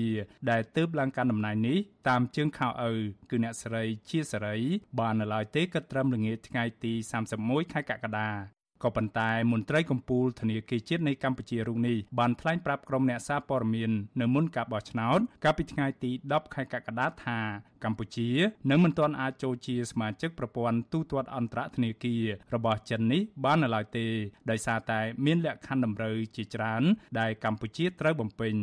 ទោះជាយ៉ាងណាអ្នកស្រីជាសេរីលើកឡើងថាកម្ពុជានឹងរិះរកវិធី ដើម្បីធ្វើយ៉ាងណាអាចចូលជាសមាជិកស៊ីបនេះឲ្យបានតាមរយៈការភ្ជាប់នឹងធនាគារចិនធំណាមួយយើងនឹងរកវិធីដើម្បីធ្វើម៉េចចូលរួមវាអាចជាអន្តរការសិនអាចយើងភ្ជាប់ជាដោយប្រយោលជាមួយធនាគារធំណាមួយនៅប្រទេសចិនសិនទង្រាំយើងបានទៅផ្ទាល់ជាមួយធនាគារកដាចិននេះក៏ជាក្នុងក្នុងស្ថានភាពកំពុងតែជជែកគ្នាដែរ ទន្ទឹមនឹងការជំរុញចង់ឲ្យក្លាយជាសមាជិកនៃប្រព័ន្ធទូទាត់អន្តរធនាគាររបស់ចិនដ៏ឆាប់រហ័សបែបនេះធនាគារជាតិនៃកម្ពុជា កាលពីថ្ងៃទី10ខែកក្កដាក៏បានចុះអនុសារណៈនៃការយោគយល់គ្នាឬ MOU ជាមួយក្រុមហ៊ុនចិនមួយឈ្មោះ Union Pay International ដើម្បីអ្វីមួយដែលភាគីទាំងពីរអះអាងថាជាការជំរុញការទូទាត់សងប្រាក់ឆ្លងដែនតាមប្រព័ន្ធ QR code តាមរយៈកិច្ចព្រមព្រៀងនេះភ្ញៀវទេសចរចិននៅកម្ពុជានឹងត្រូវបានអនុញ្ញាតឲ្យចាយវាយលុយយួនរបស់ចិនតាមប្រព័ន្ធ QR code នៅលើប្រព័ន្ធទូរស័ព្ទដៃដោយពុំចាំបាច់ឆ្លងកាត់ការផ្ទេរប្រាក់នោះឡើយករណីដូចគ្នានេះក៏កើតមានឡើងសម្រាប់ភ្ញៀវទេសចរកម្ពុជាដែលទៅទស្សនាប្រទេសចិន ដែលពួកគេអាចចាយវាយលុយរៀលតាមប្រព័ន្ធ QR code នេះបានដែរ កាលនោះអ្នកស្រីជាស្រី បានគូបញ្ជាក់ថាការទូទាត់នេះមិនមែនជាការចាយវាយក្រដាសប្រាក់យួនរបស់ចិន នៅកម្ពុជាឬក្រដាសប្រាក់រៀលរបស់កម្ពុជា នៅប្រទេសចិននោះឡើយតែគឺជាការទូទាត់ប្រាក់តាមរយៈប្រព័ន្ធ QR code ធនាគារជាតិនៃកម្ពុជាអះអាងថាការនេះនឹងរួមចំណែកយ៉ាងច្រើន នៅក្នុងការជំរុញវិស័យទេសចរនិងសកម្មភាពពាណិជ្ជកម្មកាន់តែមានភាពងាយស្រួល និងតម្លៃសមរម្យ ទោះជាយ៉ាងណាសម្រាប់អ្នកវិភាគនយោបាយលោកកឹមសុខវិញលោកហាក់ពុំទាន់មានទំនុកចិត្តឡើយខណៈលោកដាក់ការសង្ស័យថាការជំរុញឲ្យទូទាត់ប្រាក់យួនតាមប្រព័ន្ធ QR code ជាមួយភាគីចិននេះអាចនឹងបណ្ដាលឲ្យកើតមាននូវសកម្មភាពលាងលុយកខ្វក់កាន់តែខ្លាំងនៅកម្ពុជា ផលប៉ះពាល់ដែលធំបំផុតខ្ញុំមើលទៅ កាលណាគេប្រើ QR code ក្នុងការ transfer គឺទេលុយទៅវិញទៅមកបាន ដែលខ្ញុំមកដល់ពេលនេះមិនទាន់អានរបាយការណ៍របស់គេថាតើក្នុងបរិមាណប៉ុណ្ណាទេដូចខ្ញុំបញ្ជាក់ខាងដើមណាប្រសិនបើបរិមាណនឹងវាធំវាមិនរីកលូតលាស់ទៅដល់សេដ្ឋកិច្ចពាណិជ្ជកម្មការងាររបស់ប្រជាពលរដ្ឋទៅវិញទេប៉ុន្តែវារីកលូតលាស់នៅអាជីវកម្មងងឹតនៅប្រទេសកម្ពុជា ឧទាហរណ៍ថា game online ពីព្រោះគេផ្ទេរដូចស្រួលឧទាហរណ៍ថាភ្នាល់តាមអនឡាញភ្នាល់បាល់ភ្នាល់អីក៏ដោយឲ្យទៅភ្នាល់តាមអនឡាញពីប្រទេសចិនជាមួយនឹងក្រុមហ៊ុនចិននានាអ្នកវារីកលូតលាស់អាហ្នឹងកាលណារីកលូតលាស់អាហ្នឹងវាអត់បំរើផលប្រយោជន៍ដល់វិស័យសេដ្ឋកិច្ចពាណិជ្ជកម្មដល់ប្រទេសកម្ពុជាទេប៉ុន្តែបង្កភាពច្បុកច្បល់ដល់ប្រទេសកម្ពុជាយើងទៅវិញ បន្ថែមពីលើការយល់ឃើញនេះអ្នកជំនាញផ្នែកវិទ្យាសាស្ត្រនយោបាយនិងជាសាស្ត្រាចារ្យនៅសាកលវិទ្យាល័យ Arizona State University នៅសហរដ្ឋអាមេរិកបណ្ឌិតអៀសុផល មើលឃើញថានេះអាចជាចេតនារបស់កម្ពុជា នៅក្នុងការដកខ្លួនចេញពីដុល្លាររូបនីយកម្មទៅចូលក្នុងរង្វង់ដៃរបស់ប្រទេសចិន តាមរយៈការធ្វើយួននូបនីយកម្មឬការចាយវាយលុយចិនបើទោះជាការនេះអាចនឹងស្មុគស្មាញក៏ដោយ ក៏លោកថាគ្មានហេតុផលណាមួយ ដែលថាក្នុងរយៈពេលយូរអង្វែងអាញាធរកម្ពុជាអាចនឹងមិនឈានទៅអនុញ្ញាតឲ្យចាយវាយឬចរាចរលុយយួនចិន ជាសាច់ប្រាក់នៅលើទីផ្សារសាធារណៈមិនខុសពីលុយដុល្លាររបស់អាមេរិកនោះឡើយលោកអៀសផល បន្តថាកម្ពុជាកំពុងព្យាយាមយ៉ាងខ្លាំងដើម្បីចូលក្នុងគន្លងហិរញ្ញវត្ថុដែលគ្រប់គ្រងដោយសាធារណរដ្ឋប្រជាមានិតចិន ចាប់តាំងពីក្រោយការរៀបចំព្រឹត្តិការណ៍បោះឆ្នោតដែលរងនឹងការរិះគន់ថាជាការបោះឆ្នោតคล้ายៗកាលពីឆ្នាំ2018មកយ៉ាងហោចណាស់មានមន្ត្រីជាន់ខ្ពស់និងមេឈ្មួញក្រាក់ក្រាក់របស់កម្ពុជាសរុបចំនួន5រូបនិងក្រុមគ្រួសាររបស់ពួកគេត្រូវបានសហរដ្ឋអាមេរិកដាក់ទណ្ឌកម្មបង្កកទ្រព្យសម្បត្តិនិងរដ្ឋបិទទឹកធការមិនឲ្យពួកគេជន់ទឹកដីអាមេរិកបាន មន្ត្រីនិងឈ្មួញក្រាក់ក្រាក់ទាំងនោះមានដូចជា មេបញ្ជាការកងអង្គរៈរបស់លោកហ៊ុនសែនគឺលោកហ៊ីងប៊ុនហៀងអនុប្រធានទី1នៃគណៈកម្មាធិការជាតិគ្រប់គ្រងគ្រោះមហន្តរាយលោកគុនគឹមមេឈ្មោះល្បីឈ្មោះលោកត្រីភិបប្អូនប្រុសបង្កើតរបស់ប្រមុខការពារជាតិលោកទាបាញ់និងជាមេបញ្ជាការកងទ័ពជើងទឹកគឺនាយឧត្តមនាវីទាវិញ និងអគ្គនាយកនៃអគ្គនាយកដ្ឋានសម្ភារៈបច្ចេកទេសនៃក្រសួងការពារជាតិគឺនាយឧត្តមស្នេហ៍ចៅភិរុនដោយសារតែការជាប់ពាក់ព័ន្ធរបស់ពួកគេជាមួយនឹងការប្រព្រឹត្តអំពើពុករលួយ ការបំផ្លិចបំផ្លាញបរិស្ថាន និងការរំលោភសិទ្ធិមនុស្សធ្ងន់ធ្ងរនៅកម្ពុជា ទន្ទឹមនឹងនេះខាងស្ថាប័នសភាអាមេរិកអាណូវិញក៏កំពុងត្រៀមបញ្ចេញកញ្ចប់ទណ្ឌកម្មជាក់លាក់ផ្សេងបន្ថែមទៀតទៅលើរដ្ឋាភិបាលកម្ពុជាតាមរយៈការដាក់ចេញនូវសេចក្តីស្នើច្បាប់មួយចំនួនដើម្បីឆ្លើយតបទៅនឹងការបន្តបំផ្លាញប្រជាធិបតេយ្យនិងការរំលោភសិទ្ធិមនុស្សធ្ងន់ធ្ងរនៅកម្ពុជាសេចក្តីស្នើច្បាប់ទាំងនោះមានពីរធំធំគឺទី1តាក់ទងនឹងសំណុំរឿងឃុំខ្លួនខុសច្បាប់មេធាវីខ្មែរអមេរិកាំងកញ្ញាសេងធីរី ហើយមួយទៀតគឺពាក់ព័ន្ធនឹងការដាក់ស្នើឡើងវិញនៅសេចក្តីស្នើច្បាប់ដាក់ទណ្ឌកម្មជាក់លាក់មកលើមន្ត្រីរដ្ឋាភិបាលលោកហ៊ុនសែនរួមមានសេចក្តីស្នើច្បាប់លេខ S2331 និងសេចក្តីស្នើច្បាប់លេខ HR 4659ខ្ញុំបាទមេរិត Visual C ស្រីពីរដ្ឋធានី Washington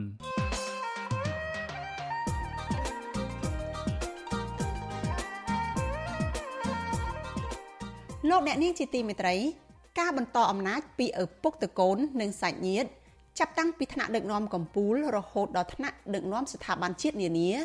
កំពុងញោមញីបន្ថែមទៀតទៅលើដំណើរការប្រជាធិបតេយ្យនៅកម្ពុជា ដែលកំពុងដើរថយក្រោយស្រាប់បញ្ហានេះធ្វើឲ្យប៉ះពាល់ខ្លាំងទៅដល់សិទ្ធិអំណាចរបស់ពលរដ្ឋដែលរដ្ឋធម្មនុញ្ញចែងការពារថាពលរដ្ឋជាម្ចាស់អំណាច ជាម្ចាស់វាសនានៃប្រទេសជាតិ ក្នុងនីតិវេទិកានៃស្ដាប់វិទ្យុអាស៊ីសេរីនៅយប់ថ្ងៃអង្គារនេះយើងនឹងជជែកថាតើមានមូលហេតុអ្វីបានជាពលរដ្ឋដែលជាម្ចាស់អំណាចបែរជាភៀកច្រើនស្ថិតនៅស្ងៀមស្ងាត់ហាក់ដូចជាអាចទទួលយកបាននៅការផ្ទេរអំណាចតពូជតត្រកូលនេះបានតើពលរដ្ឋនៅមានជំងឺបាក់ស្បាតភ័យខ្លាចពីការគំរាមពីសង្គ្រាមឬពលរដ្ឋនៅមានសង្ឃឹមថាការដឹកនាំរបស់នាយករដ្ឋមន្ត្រីតពីឪពុកលោកហ៊ុនម៉ាណែត អាចនឹងមានផ្លូវផ្លាស់ប្ដូរទៅរកប្រជាធិបតេយ្យសំឡូងអ្នកនាងរងចាំស្ដាប់និងចូលរួមពិភាក្សាអំពីរឿងនេះនៅក្នុងនីតិវេទិកាអ្នកស្ដាប់វិទ្យុអាស៊ីសេរីនៅយប់ថ្ងៃអង្គារនេះកុំបីខានប្រសិនបើលោកអ្នកនាងចង់បញ្ចេញមតិយោបល់ឬសួរវាគ្មិនរបស់យើងសូមលោកអ្នកនាងដាក់ឈ្មោះនិងលេខទូរស័ព្ទរបស់លោកអ្នកនាងនៅក្នុងប្រអប់ខ្ទង់ comment នៃការផ្សាយរបស់ Vithu Azizi Serai នៅលើបណ្ដាញសង្គម Facebook និង YouTube ជាក្រុមការងាររបស់យើងនឹងតាក់ទងទៅលោកអ្នកនាងវិញចាសសូមអរគុណ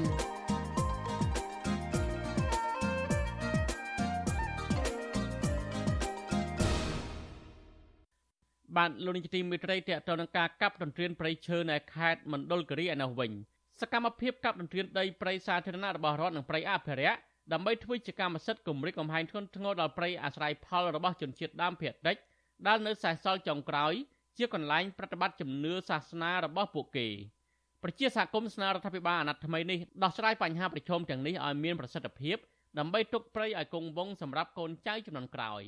បាទប្រធានាធិបតីវ៉ាស៊ីនតោនលោកសេបណ្ឌិតរាយការណ៍ព័ត៌មាននេះសកម្មភាពកាប់ទុនទានព្រៃអភិរក្ស ព្រៃស្រោង និងព្រៃដែលជន់ជាតិដើមភៀតតិចអាស្រ័យផល បែបប្រពៃណី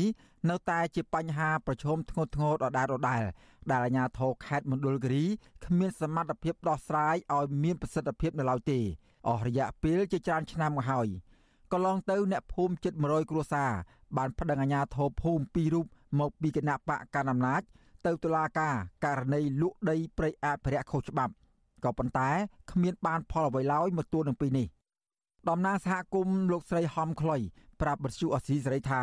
បច្ចុប្បន្នដីព្រៃសមូហភាពក្នុងឃុំរយស្រុកកោះញែកយ៉ាងហោចណាស់ទំហំជិត1000ហិកតា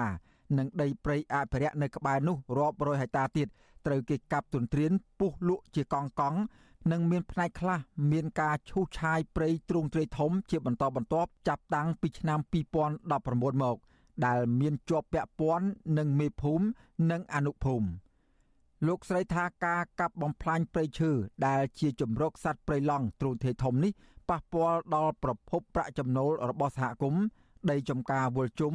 ព្រៃកប់សពនិងព្រៃអភិរក្សដែលសហគមន៍ធ្វើពិធីសែនព្រេនជារៀងរាល់ឆ្នាំ។ពួក ខ្ញុំនឹងចេះតែនៅស្ងំផ្ទះទេដល់ខែទៅល្បាតដីសហគមន៍ដល់ខែទៅល្បាតដីសហគមន៍អត់មានលុយមកពីណាទេលុយខ្លួនឯងលក់ស្រូវលក់កហ្នឹងហើយដល់ចេះចេះតែល្បាតអាពួកវាដល់ចេះតែដល់លក់នឹងដឹងគេលក់ដីនឹងអស់ឥឡូវនៅពួកខ្ញុំចង់ស្វាសាឡើងវិញអត់ឲ្យពួកវានឹងទេអញ្ចឹងណាកាលពីខែមិថុនាកន្លងទៅ អ្នកភូមិរយយ៉ាងហោចណាស់70គ្រួសារ បានផ្តិតមេដៃស្នើសុំឲ្យអភិបាលស្រុកកោះញែកដកតំណែងមេភូមិភូមិមេមុំគឺលោកច័ន្ទមឿននិងអនុភូមិលោកអល់ផៃចេញពីទូនីតិការប្តឹងផ្ដាល់នេះក្រោយពីពួកគាត់រកឃើញភ័ស្តុតាង និងឯកសារច្បាស់លាស់បង្ហាញថាអាញាធរមកពីគណៈបកកណ្ដាលអំណាចទាំងនេះ បានយកទូនីតិអាញាធរបញ្ចុះបញ្ចូលពលរដ្ឋឲ្យទៅកាប់ទុនទ្រានដីព្រៃរបស់រដ្ឋនិងដីសហគមន៍ ដែលជន់ជាតិដើមភៀតតិចស្នើសុំចុះបញ្ជីសមូហភាព បន្ថែមពីលើនេះទៀតលោកច័ន្ទមឿនបានចុះហត្ថលេខាលើលិខិតផ្ទេរសិទ្ធិកាន់កាប់ដីព្រៃនិងដីអភិរក្សបំពេញច្បាប់ អ្នកសម្របសម្រួលបណ្ដាញជនជាតិដើមភៀតតិចខេត្តមណ្ឌលគិរីលោកសេនប៊ុនសាមឲ្យដឹងថាមកទល់នឹងពេលនេះតុលាការនិងអាជ្ញាធរនៅមិនទាន់ដោះស្រាយពាក្យបណ្ដឹងរបស់ប្រជាពលរដ្ឋនៅឡើយទេធ្វើឲ្យប្រជាពលរដ្ឋព្រួយបារម្ភ ខ្លាចក្រែងមានការកាប់ទុនទានព្រៃកាន់តែខ្លាំងឡើងប៉ះពាល់ដល់ជីវភាពរបស់ពួកគាត់មានតែសហគមន៍ទេដែលគាត់ចោះបាតខ្លួនឯងជាទប់ស្កាត់ខ្លួនឯងគ្មានទីពឹងទេសង្គមរយលើនឹងគាត់មានទីពឹងទេមានតែសង្គមសង្គមទេជួយហើយសង្គមទាំងអស់ស្រុកញែកនឹងបីជួយចោះបាទជាមួយគាត់ប្រជាពលរដ្ឋភូមិរយលើ និងភូមិមេមុំភៀកច្រើន ជាជនជាតិដើមភេតិចភ្នង និងធ្មូន ហើយរហូតមកទល់នឹងពេលបច្ចុប្បន្នអ្នកភូមិបានចុះបញ្ជីកំណត់អត្តសញ្ញាណឬចុះបញ្ជីនីតិបុគ្គលពីក្រសួងមហាផ្ទៃនិងក្រសួងអភិវឌ្ឍជនបទរួចហើយដើម្បីបង្កើតសហគមន៍សមូហភាពផ្លូវការក៏ប៉ុន្តែពួកគាត់មិនទាន់ទទួលបានបានសមូហភាពនៅឡើយទេរីឯដីព្រៃសហគមន៍មួយផ្នែកធំ បានคล้ายជាវាលរហោឋាន មានប្លង់កម្មសិទ្ធិគ្រប់គ្រងដោយបុគ្គលមានលុយនិងមានអំណាចព្រៃសមូហភាពសហគមន៍រយ មានផ្ទៃដីជិត8000ហិកតា ដោយក្នុងនោះមានព្រៃអភិរក្សដីព្រៃបំរុងទុក និងដីអាស្រ័យផលរបស់ប្រជាពលរដ្ឋវិទ្យុអាស៊ីសេរីនៅពុំទាន់អាចតាក់ទងសុំការអធិប្បាយអំពីរឿងនេះពីអ្នកនាំពាក្យសាលាខេត្តមណ្ឌលគិរីលោកនាងវណ្ណៈបាននៅឡើយទេនៅថ្ងៃទី26កក្កដារីឯអ្នកនាំពាក្យតុលាការខេត្តមណ្ឌលគិរីលោកមាសប្រុសក៏មិនទាន់អាចតាក់ទងបានដែរក៏ប៉ុន្តែមេភូមិមេមុំ លោកច័ន្ទមឿនបានច្រានចោលការចោលប្រកាន់របស់អ្នកភូមិដោយលើកហេតុផលថា គឺជារឿងមិនពិត និងគ្មានភ័ស្តុតាងត្រឹមត្រូវ។ វាចេះតែនិយាយបន្លឹះបំភ្លឺអត់មានការងារអីច្បាស់លាស់ចេះតែចង់សតកម្មហើយខុសតាំងនៅកន្លែងណាចឹងខ្ញុំអត់អីទេប៉ុន្តែខ្ញុំគ្រាន់តែបើហៅហៅទៅចោះប៉ុន្តែខ្ញុំចង់ហៅអាម្ចាស់នេះខ្ញុំនេះអាម្ចាស់នេះដំបដងសំខាន់ខ្ញុំរកអានេះដំបដងនេះរបាយការណ៍ស្រាវជ្រាវរបស់ជនជាតិដើមភាគតិចភ្នងរកឃើញថា ដីព្រៃសាធារណៈរបស់រដ្ឋទំហំចន្លោះពី1000ហិកតាឡើងទៅ ត្រូវបានកាប់បំផ្លាញคล้ายទៅជាវាលរហោឋានស្ថិតនៅចំណុចស្រែឈូកក្នុងស្រុកកៅសីមាតំបន់វារយងក្នុងស្រុកពេជ្រដានិងចំណុចឃុំរយស្រុកកោះញែករីឯដីព្រៃអភិរក្សស្ថិតនៅក្នុងភូមិពូលុនិងឃុំប៊ូស្រាយ៉ាងហោចណាស់ជាង2000ហិកតា បានคล้ายជាវាលរហោឋានដែរការកាប់ទុនទានព្រៃទ្រង់ទ្រាយធំ ក្នុងរយៈពេល5ឆ្នាំកន្លងមកនេះ បានបង្កផលប៉ះពាល់ទៅដល់ព្រៃអាស្រ័យផលរបស់ជនជាតិដើមភាគតិច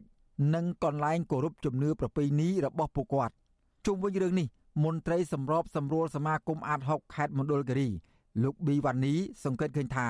អាញាធរខេត្តនេះនិងមន្ត្រីជំនាញមិនបានស៊ើបអង្កេតករណីកាប់បំផ្លាញព្រៃឈើរាប់ពាន់ហិកតាទាំងនោះទេ មូលហេតុដែលមិនធ្វើការអនុវត្តច្បាប់ចំពោះជនល្មើសនឹងហើយដែលធ្វើឲ្យការប្រព្រឹត្តបទល្មើសនឹងកាន់តែកើនឡើងហើយបែរជាគម្រាមកំហែងទៅលើសហគមន៍ដែលចូលរួមការពារព្រៃឈើទៅវិញថ្មីថ្មីនេះលោកនាយករដ្ឋមន្ត្រីហ៊ុនសែនបានបញ្ជាឲ្យអភិបាលខេត្តទាំងអស់រួមទាំងរដ្ឋមន្ត្រីក្រសួងកសិកម្មនិងរដ្ឋមន្ត្រីក្រសួងបរិស្ថានត្រូវចាប់ខ្លួនអ្នកដែលកាប់ទុនទានដីព្រៃរដ្ឋនិងកាប់ឈើខុសច្បាប់មុនពេលបោះឆ្នោតជាតិ លោកប៊ីវ៉ាឌីបន្ថែមថាអាញាធរខេត្តនេះមិនគោរពតាមបទបញ្ជារបស់លោកនាយករដ្ឋមន្ត្រីនោះឡើយលោកថាជនជាតិដើមភាគតិចមានទម្លាប់រស់នៅតំបន់ព្រៃភ្នំ ដែលពួកគាត់ចាត់ទុកថាព្រៃឈើមានប្រយោជន៍ណាស់សម្រាប់ការចិញ្ចឹមជីវិត និងអភិរក្សវប្បធម៌ប្រពៃណីរបស់ពួកគាត់លោកបន្ថែមទៀតថាការអភិរក្សព្រៃឈើរបស់អ្នកភូមិមានសារៈសំខាន់ណាស់ក្នុងកិច្ចការពារធនធានធម្មជាតិហេតុនេះតុលាការ និងអាជ្ញាធរគួរតែពន្លឿនដោះស្រាយលើសំណុំរឿងនេះជូនពួកគាត់ដើម្បីលើកទឹកចិត្តនិងគាំទ្ររាល់សកម្មភាពទាំងឡាយរបស់ជនជាតិដើមភាគតិចដែលចូលរួមការពារធនធានធម្មជាតិមាត្រា23នៃច្បាប់ភូមិបាលឆ្នាំ2001ចែងថាសហគមន៍ជនជាតិដើមភាគតិចគឺជាក្រុមមនុស្សដែលរស់នៅលើដែនដីព្រះរាជាណាចក្រកម្ពុជា បង្ហាញនៅការឯកភាពនៃចិត្តពន្ធុសង្គមវប្បធម៌និងសេដ្ឋកិច្ច ប្រតិបត្តិរបៀបរស់នៅតាមបែបប្រពៃណីនិងដាំដុះលើដីដែលខ្លួនកាន់កាប់ទៅតាមក្បួនខ្នាតទំនៀមទម្លាប់នៃការប្រើប្រាស់ជាសមូហភាពក្នុងពេលរងចាំការកំណត់នៅលក្ខន្តិកៈសហគមន៍ក្រមជនជាតិដើមភាគតិចដែលមានជាក់ស្ដែងនិងបន្តគ្រប់គ្រងសហគមន៍និងអចលនវត្ថុរបស់ខ្លួនតាមប្រពៃណីហើយត្រូវអនុវត្តតាមបញ្ញត្តិនៃច្បាប់នេះខ្ញុំបាទសេកបណ្ឌិតវិទ្យុអាស៊ីសេរី ពីរដ្ឋធានីវ៉ាស៊ីនតោនបាទលោកនាងជាទីមេត្រីការផ្សាយរយៈពេល1ម៉ោងនៃវិទ្យុអាស៊ីសេរីជាភាសាខ្មែរនៅពេលនេះចប់តែប៉ុណ្ណេះយើងខ្ញុំសូមជូនពរដល់លោកនាងព្រមទាំងក្រុមគ្រួសារទាំងអស់ឲ្យជួបប្រកបតែនឹងសេចក្តីសុខចម្រើនរុងរឿងកុំបីឃ្លៀងឃ្លាតឡើយខ្ញុំបាទទីនសាករិយាព្រមទាំងក្រុមការងារទាំងអស់នៃវិទ្យុអាស៊ីសេរីសូមអរគុណនិងសូមជម្រាបលា